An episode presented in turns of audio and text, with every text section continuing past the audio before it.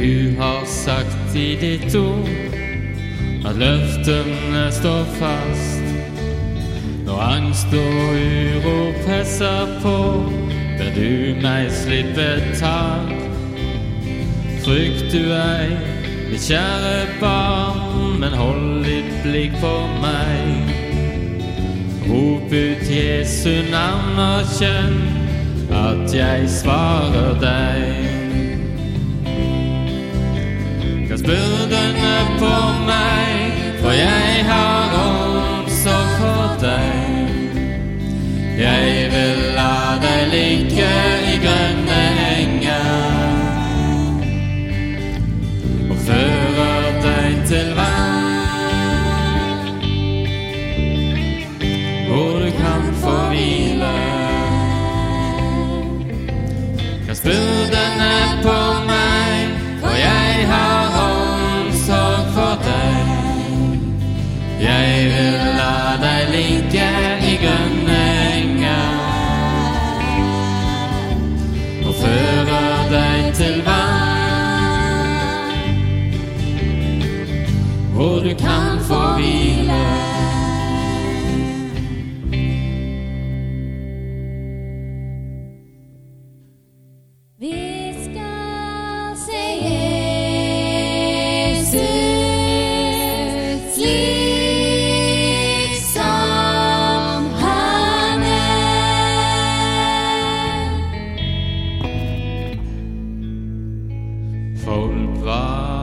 var forsamlet for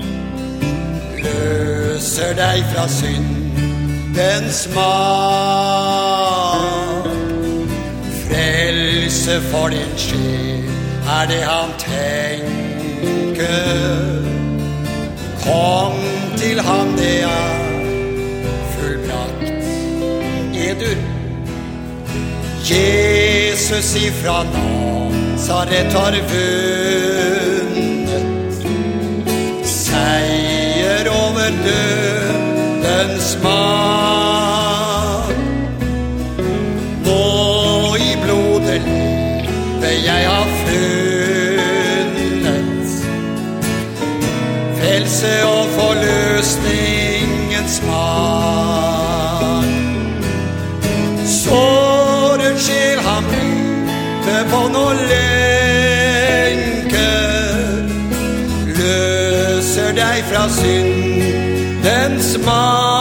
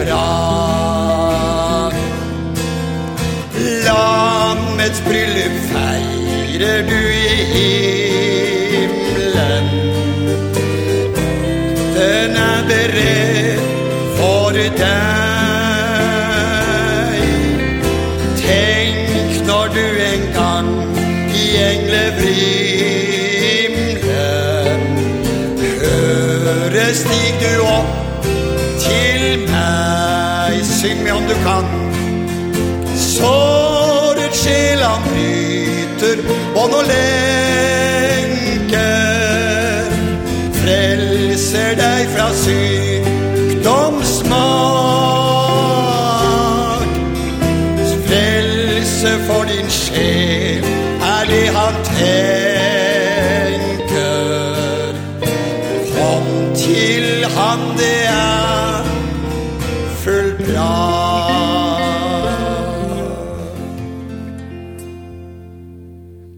det så greit. Nå skal vi slå opp 1. Korinterbrev 15.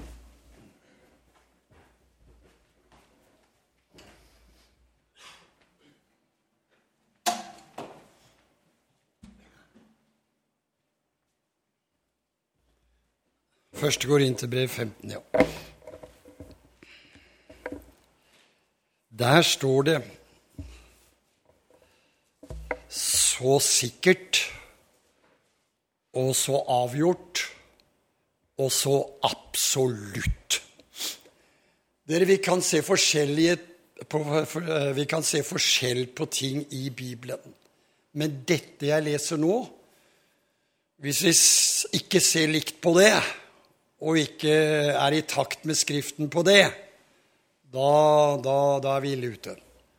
Her står Jeg kunngjør dere, brødre, det evangelium som jeg forkynte for dere, det som dere også tok imot, og som dere også er fast i.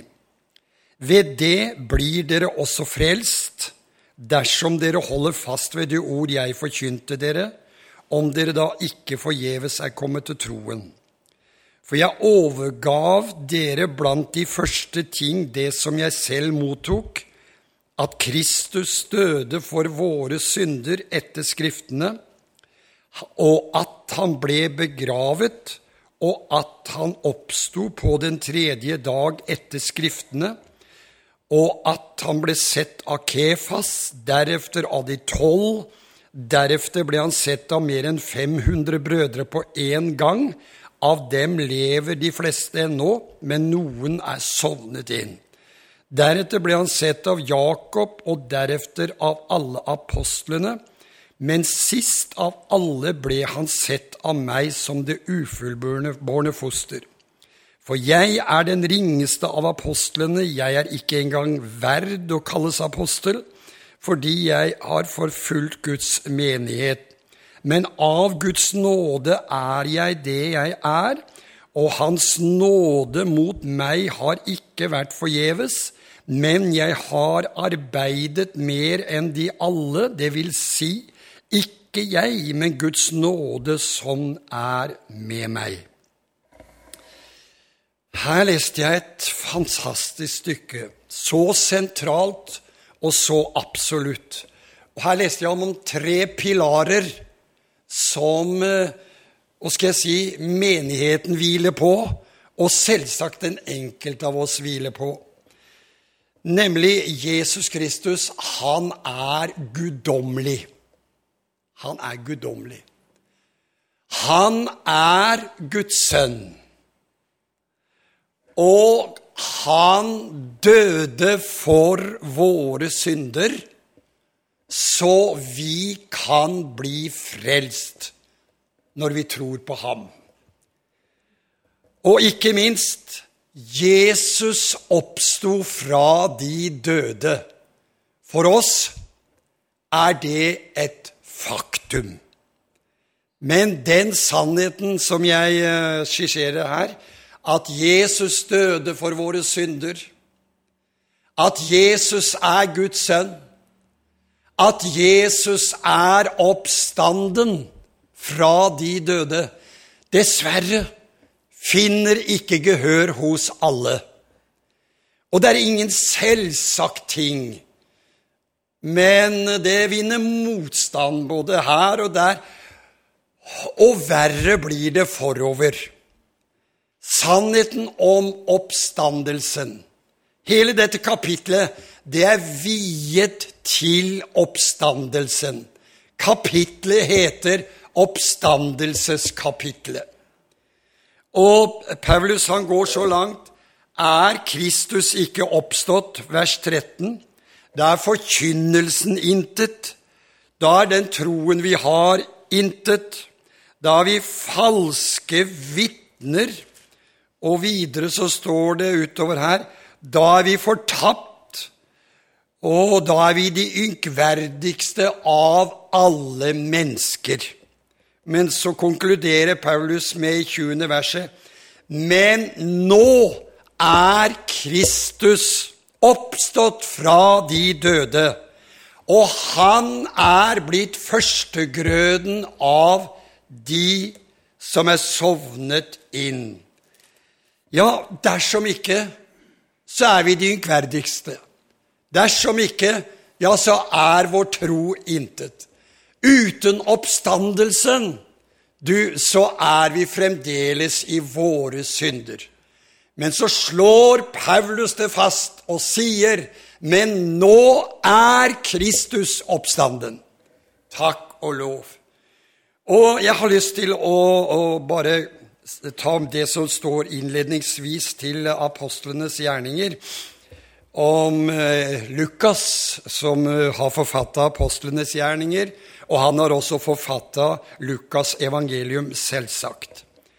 Og så skriver han da, her i vers 1, jeg tar det med der Den første bok den skrev jeg, Theofilius. Det var en hedningkristen som var blitt omvendt om alt det som Jesus begynte med både å gjøre og lære, inntil den dag da han ble tatt opp til himmelen, etter at han ved Den hellige ånd hadde gitt sine befalinger til de apostlene han hadde utvalgt. La meg bare referere det som står i Lukasevangelium. Der står det om etter at jeg nøye har gransket det fra begynnelsen av. Og der skriver han også du skal vite, Theofilius, hvor pålitelige de lærdommer du er vokst opp i, er. Han har gransket det nøye. De er pålitelige. Og Peter han sier også det var ikke kløktige, uttenkte eventyr vi fulgte. Dette vi er samla om i formiddag, dette med Jesu oppstandelse, det er pålitelig. Og han har granska det. Og de som opplevde eh, eh, oppstandelsen på nært hold, de var vitner. Så apostlenes måte å forkynne på, det var ut ifra at de hadde vært vitner til det som hadde skjedd. Amen. Og da blir det ikke bare en idé som de forkynner.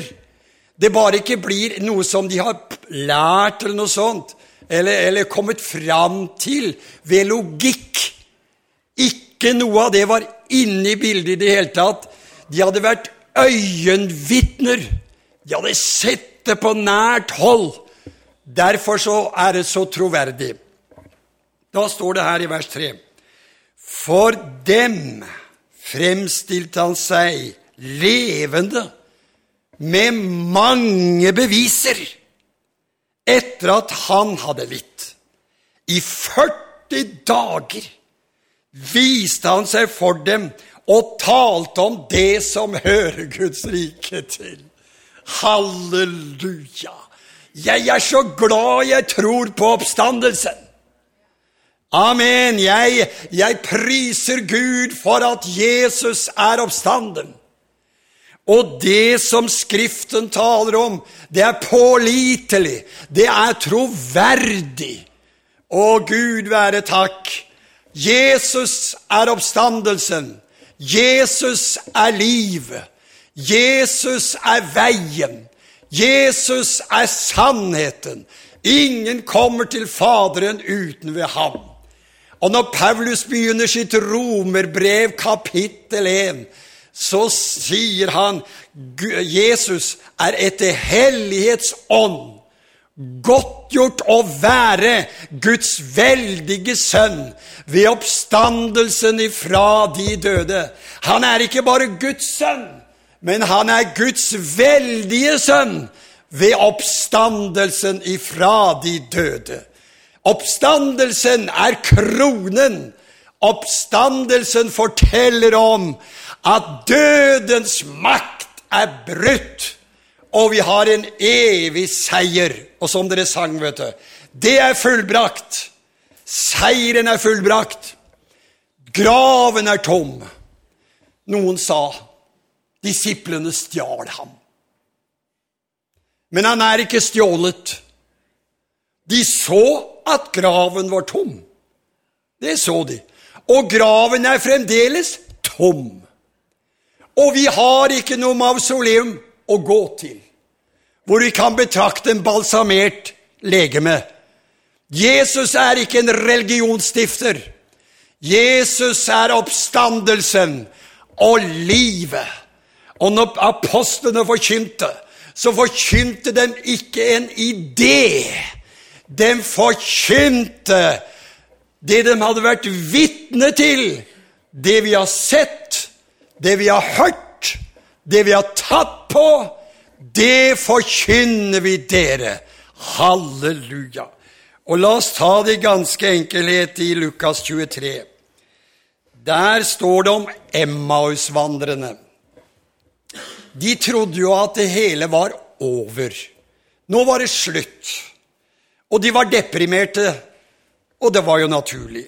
De hadde håpa på at Jesus, som de hørte, som de så, hadde vært den som skulle befri Israel.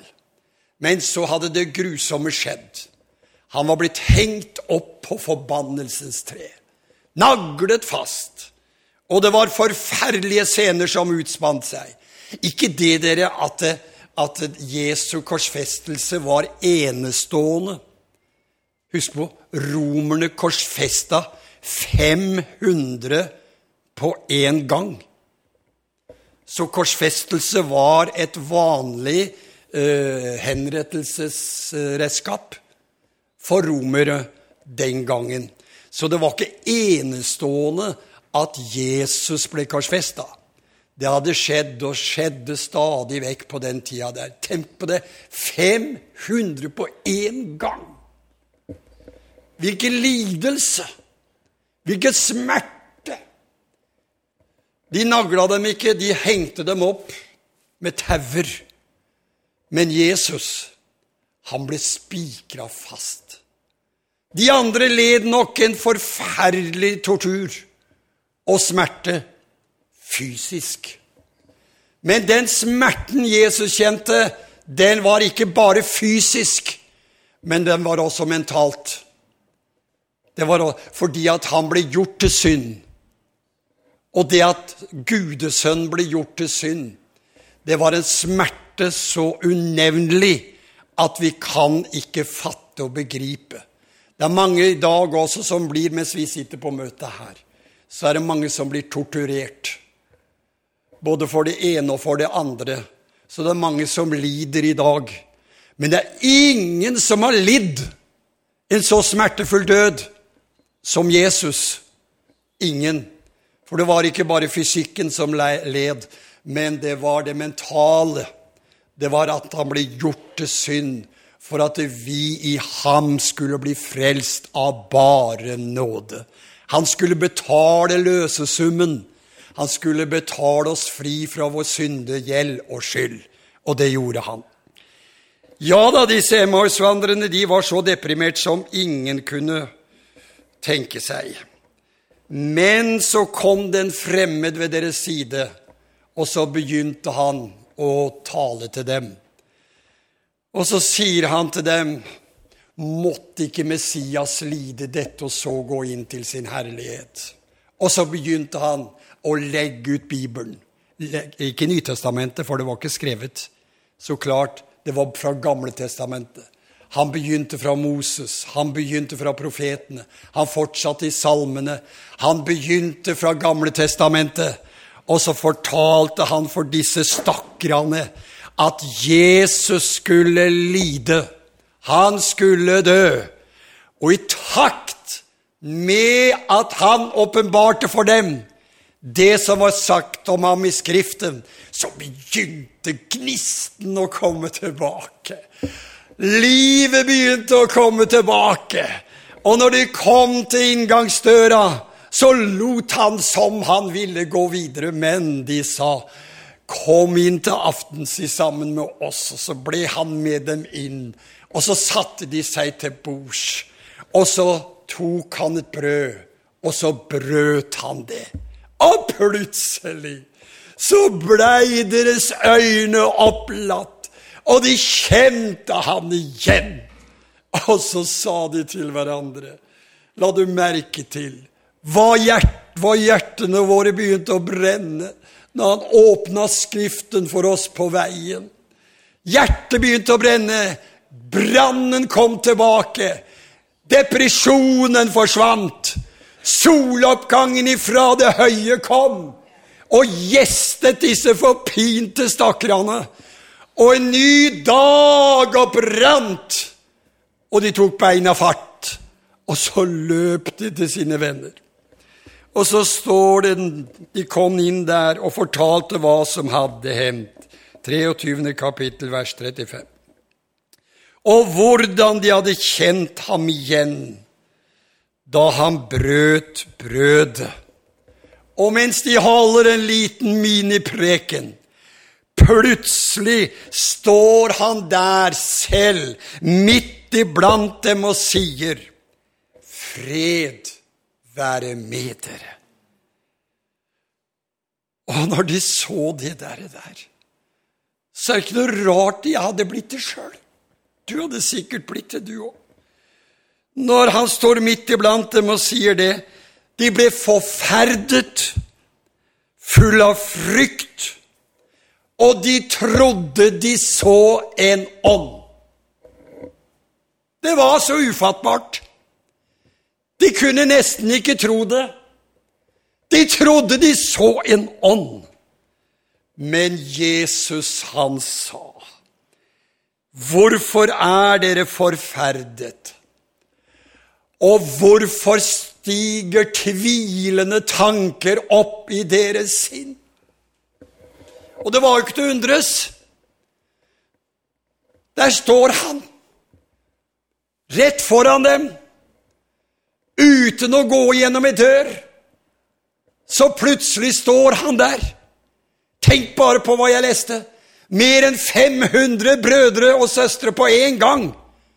På én gang! Så Jesus. Han ble åpenbart. Du, halleluja, jeg tror på mirakler.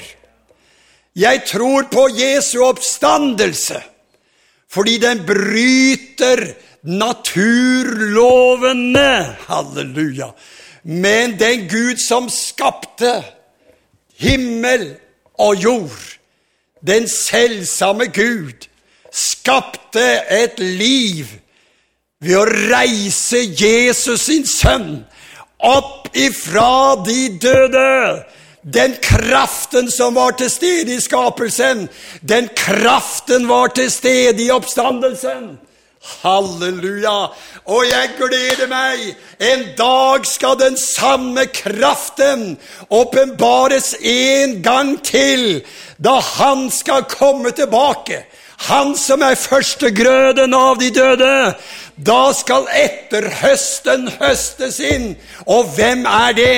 Det er vi som er på møte i formiddag. Amen. Vi som tror på Jesus. Er Kristus oppstanden, så skal også vi oppstå.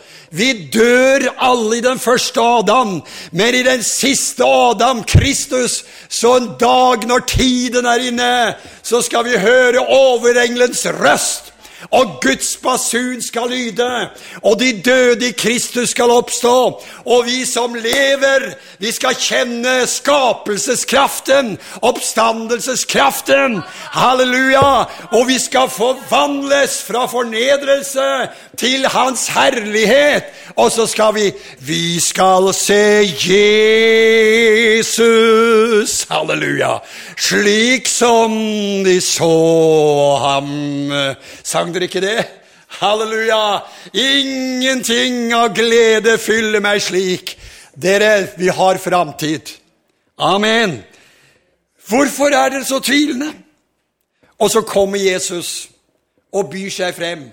Se mine hender! Hva så de? De så selvsagt hendene, men de så naglemerkene. Det var ingen ånd. Han hadde naglemerker. Og se og rør ved meg, for en ånd har ikke kjøtt og ben slik dere ser jeg har. Han sa ikke blod. Han sa ben. Og det legemet som sto framfor dem, det var blodløst. For hans blod var utgitt på Golgata for våre synders skyld. Og så sier han til dem Når de enda ikke trodde For glede! Halleluja. Tenk at det går an å bli så glad at du ikke er i stand til å tro. Men jeg vet ikke, jeg klarer ikke å sette meg inn i disiplenes sko og i deres sted akkurat der og da. Men det var så fantastisk, og det var så revolusjonert og nært, at det var helt utrolig, det de var vitne til. Da sier Jesus enda en gang Hør her. Har dere noe å spise? Du, en ånd kan ikke spise. En ånd kan du ikke ta på. Men Jesus utfordra dem, og så sa han, 'Bare rør ved meg'. Har dere noe å spise? Du, en ånd, et spøkelse, kan du ikke ta på. Kan ikke spise. Nei, dette var ikke noe spøkelse eller ånd. Dette var den oppstandende, herliggjorte Jesus. Amen. Som hadde sagt tre ganger i Matteus, tre ganger i Markus og noen ganger i Lukas. Han hadde sagt 'Og jeg skal oppstå igjen'. Men disiplene skjønte det ikke. Men plutselig, her og nå, så skjønte dem det er Jesus. Han har sår i sine fingrer. Han har sår i sine føtter. Og han spiser og han drikker for våre øyne. Han er oppstanden ifra de døde. Han tok et stykke fisk, han tok en honningkake, han tok det og spiste for deres øyne. Og så holdt han en preken for dem. Og hva jeg leste ifra Apostlenes gjerning 1.3 beviser. Beviser. Mange beviser. Og så sto han da i 40 dager og fortalte om det som hører Guds rike til. Halleluja! Hvilke dager! Fantastisk! Og det som jeg syns det tenker meg litt om, er så helt ufattbart det er jo det at eh, før oppstandelsen så var det noen som tvilte, står det. Og slektningene Judas og Jakob de var ikke helt sikre på broren sin. De var ikke det. De tvilte. Men etter oppstandelsen så brøt igjennom for deres eget vedkommende en personlighetsforvandling. De ble totalt forvandla. Halleluja, halleluja. Og det var så sterkt. Alle apostlene, de første kristne. Det var så sterkt. Og hva er det som kan si at det er et bevis? De gav sitt liv for det de hadde vært øyenvitner til. De gav sitt liv. De satte det til. De bare hadde sett noe, opplevd noe så revolusjonært, så fantastisk, at det, det forandra hele deres tilværelse. De gikk martyreriet i møte med glede. De gikk martyreriet i møte med sang. De hadde ikke sitt liv kjært like til døden. Hva var grunnen? Halleluja! De hadde sett Jesus som oppstandelsen og livet. De hadde sett Jesus i 40 dager, hvor han hadde ved mange beviser fortalt dem om det som hører Guds rike til. Halleluja! Lukas sier det er pålitelig, det er troverdig. Peter sier det var ikke eventyr vi fulgte. Så når den dagen kom at Peter måtte late livet, så sa han, 'Jeg er ikke verdt å henge opp. Snu meg opp ned.' Du tror du, dersom det hadde vært en illusjon, tror du at dersom det hadde vært et bedrag, at Peter hadde bedt om det? Nei, det var ikke noe bedrag. Han hadde sett ham. Han hadde hørt ham. Han hadde vært med ham. Halleluja. Og når Peter forkynte på pinsefestens dag, hva er det han sier for noe da? Han sier om Jesus at han løste dødens veer ettersom ikke det var mulig at han kunne holdes av dem. Halleluja. Når Jesus for til dødsriket, som lammet som Gud hadde sendt til soning for våre synder. Da tok han nøkkelen ifra han som hadde dødens velde. Det er djevelen. Satte det i sin side, i sannhetens belte. Hele nøkkelknippet. Og når døden fikk Jesus i sitt, hva skal jeg si, i sitt område så skal jeg fortelle deg døden hadde problemer. Døden fikk problemer. Døden fikk veer. Akkurat som dere kvinner, ikke sant? Dere har ni måneders svangerskap. Døden fikk veer. Men døde gikk ikke ni måneder. Det gikk tre dager. Halleluja. Halleluja. Halleluja! Så klarte ikke døden mer. Døden måtte gi slipp på. Amen! Jesus brøt dødens lenker, for døden fikk veer. Fordi Jesus var ren, hellig, uskyldig, opphøyet over alle himler. Og på den tredje dag da løste han dødens veer og sto opp ifra de døde. Og Gud, han gav ham et navn som er over alle andre navn. Er du glad? Det er jeg. Prise Gud. Halleluja. Og for Peter så var det greit nok at David hadde sagt i Salme 16 der står det skrevet om at du skal ikke la din hellige se forråtnelse, ei heller tilintetgjørelse, sa David. Peter brukte det ordet på pinsevestens dag. Og så sier han det var ikke om David det ble sagt, men det var om han, Jesus, det ble profetert. Om at han ikke skulle se forråtnelse, ikke skulle se tilintetgjørelse. Nei, han så verken forråtnelse eller tilintetgjørelse. Ved den tredje dagen, sa Jesus, så er jeg ved enden. Halleluja. Og på den tredje dagen gikk himmelens majestet fra graven ut i all sin herlighet. Er ikke det herlig å synge? Han sto opp, han gikk ut av graven. Han hadde beseiret alt det vonde. Og prise Gud, denne Jesus er det vi priser. La de kloke si det kan ikke skje. La de kloke tvile. Det har aldri skjedd før.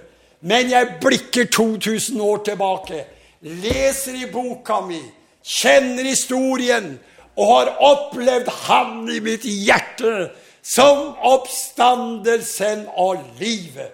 Og da har jeg lyst til å avslutte med det som står så fantastisk videre i, i, i 15. kapittel. Der sier Paulus så flott Halleluja. Kristus, vers 20, er oppstått fra de døde. Han er førstegrøden av de som er sovnet inn. Døden kom inn ved et menneske. Nå er de dødes oppstandelse kommet inn ved et menneske. For liksom alle dør i Adam, skal alle bli levendegjort i Kristus, men hver i sin avdeling. Kristus er førstegrøden. Deretter skal de som hører Kristus til, bli gjort levende ved Hans komme. Deretter kommer enden når han overgir riket til Gud og Faderen, etter at han har tilintetgjort all makt og myndighet og velde. For han skal herske som konge til å få lagt sine fiender under sine føtter. Er det ikke fantastisk? Først så kommer Jesus, og så kommer han tilbake. Og så står det i vers 51.: Se, jeg sier dere en hemmelighet. Vi skal ikke alle sovne inn, men vi skal alle bli forvandlet. I et nu, i et øyeblikk, ved den siste basun. Basunen skal lyde, de døde skal oppstå uforgjengelig, og vi skal bli forvandlet. For når dette dødelige blir ikledd udødelighet, uforgjengelighet. Og dette dødelige må bli ikledd udødelighet. Da blir det ord som er oppfylt, som står skrevet. Døden er oppslukt til seier. Død, hvor er din brodd? Død, hvor er din seier? Prise Gud. Jesus har seiret og kan aldri dø igjen. Halleluja. Jesus er oppstanden og vi skal oppstå med ham i herlighet. Jeg gleder meg. Jeg er ikke sjuk. Nei da, jeg føler meg i god form. Det er sant. Men takk og lov, det kommer noe som er mye bedre. Det kommer noe som er mye herligere. Det ligger noe der framme og venter på oss. Når alle de andre har spilt fallitt her nede, så griper Gud inn og så sier han, 'Nå overtar jeg'. Og så bryter himmelen seg, eller løs, løser himmelen seg opp, og så kommer Jesus tilbake. Og så tar han oss hjem i herlighet. Amen. Skal ikke det bli herlig? Det blir himmel. Dere sang så flott å begynne med, og det var ikke fritt for at jeg kjente jeg ble våt i øyekroken. Til den stad jeg er på vandring, der hvor roser aldri dør. Du, det er ikke bare et fata morgana eller en illusjon eller flukt ifra virkeligheten. Du, det er en realitet. Gud skal skape alle ting nye. Der skal roser aldri falme, visne eller dø. Det blir fullkomment. Vi skal være en del av det. Og Jesus, han har sagt så vidunderlig herlig Når jeg kommer, skal dere bli meg lik, og dere skal se meg som jeg er. Og prise Gud, da må vi synge en Broder Åge-sang. I går, i dag, til evig tid, den samme Jesus er. I går, i dag, til evig tidens navn Jesus er. Hjelper hver og en som er i nød. I sårede og sønderknuste hjerter er han nær. Han vekker sjelen opp av syndens død.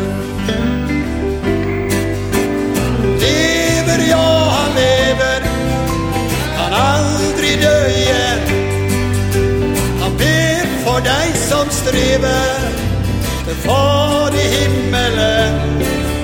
En frelsestrøm så ren og klar, det vender fra hans år.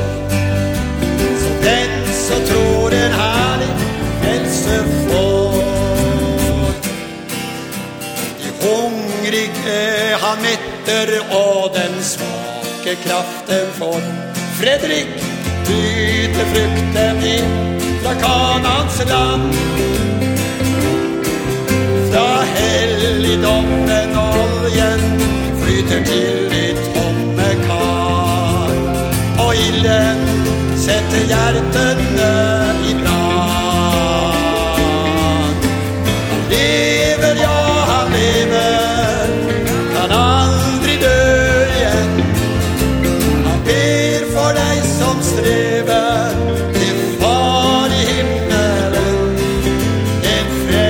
frelsestrøm så ren og klar, det veller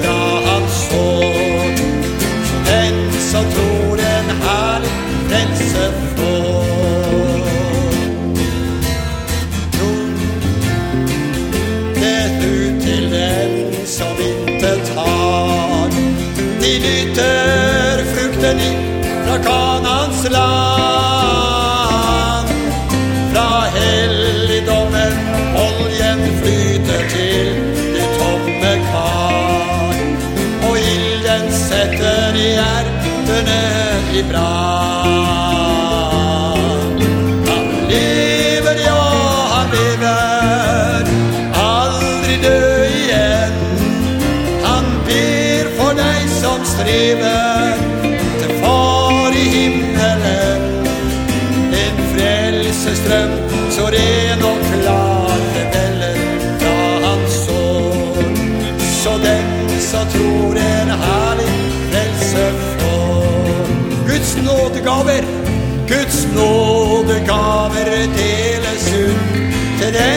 som intet har. Vi nyter frukten ifra Kanans land. Da helligdommen oljen flyter til de tomme kar. Og ilden setter hjertene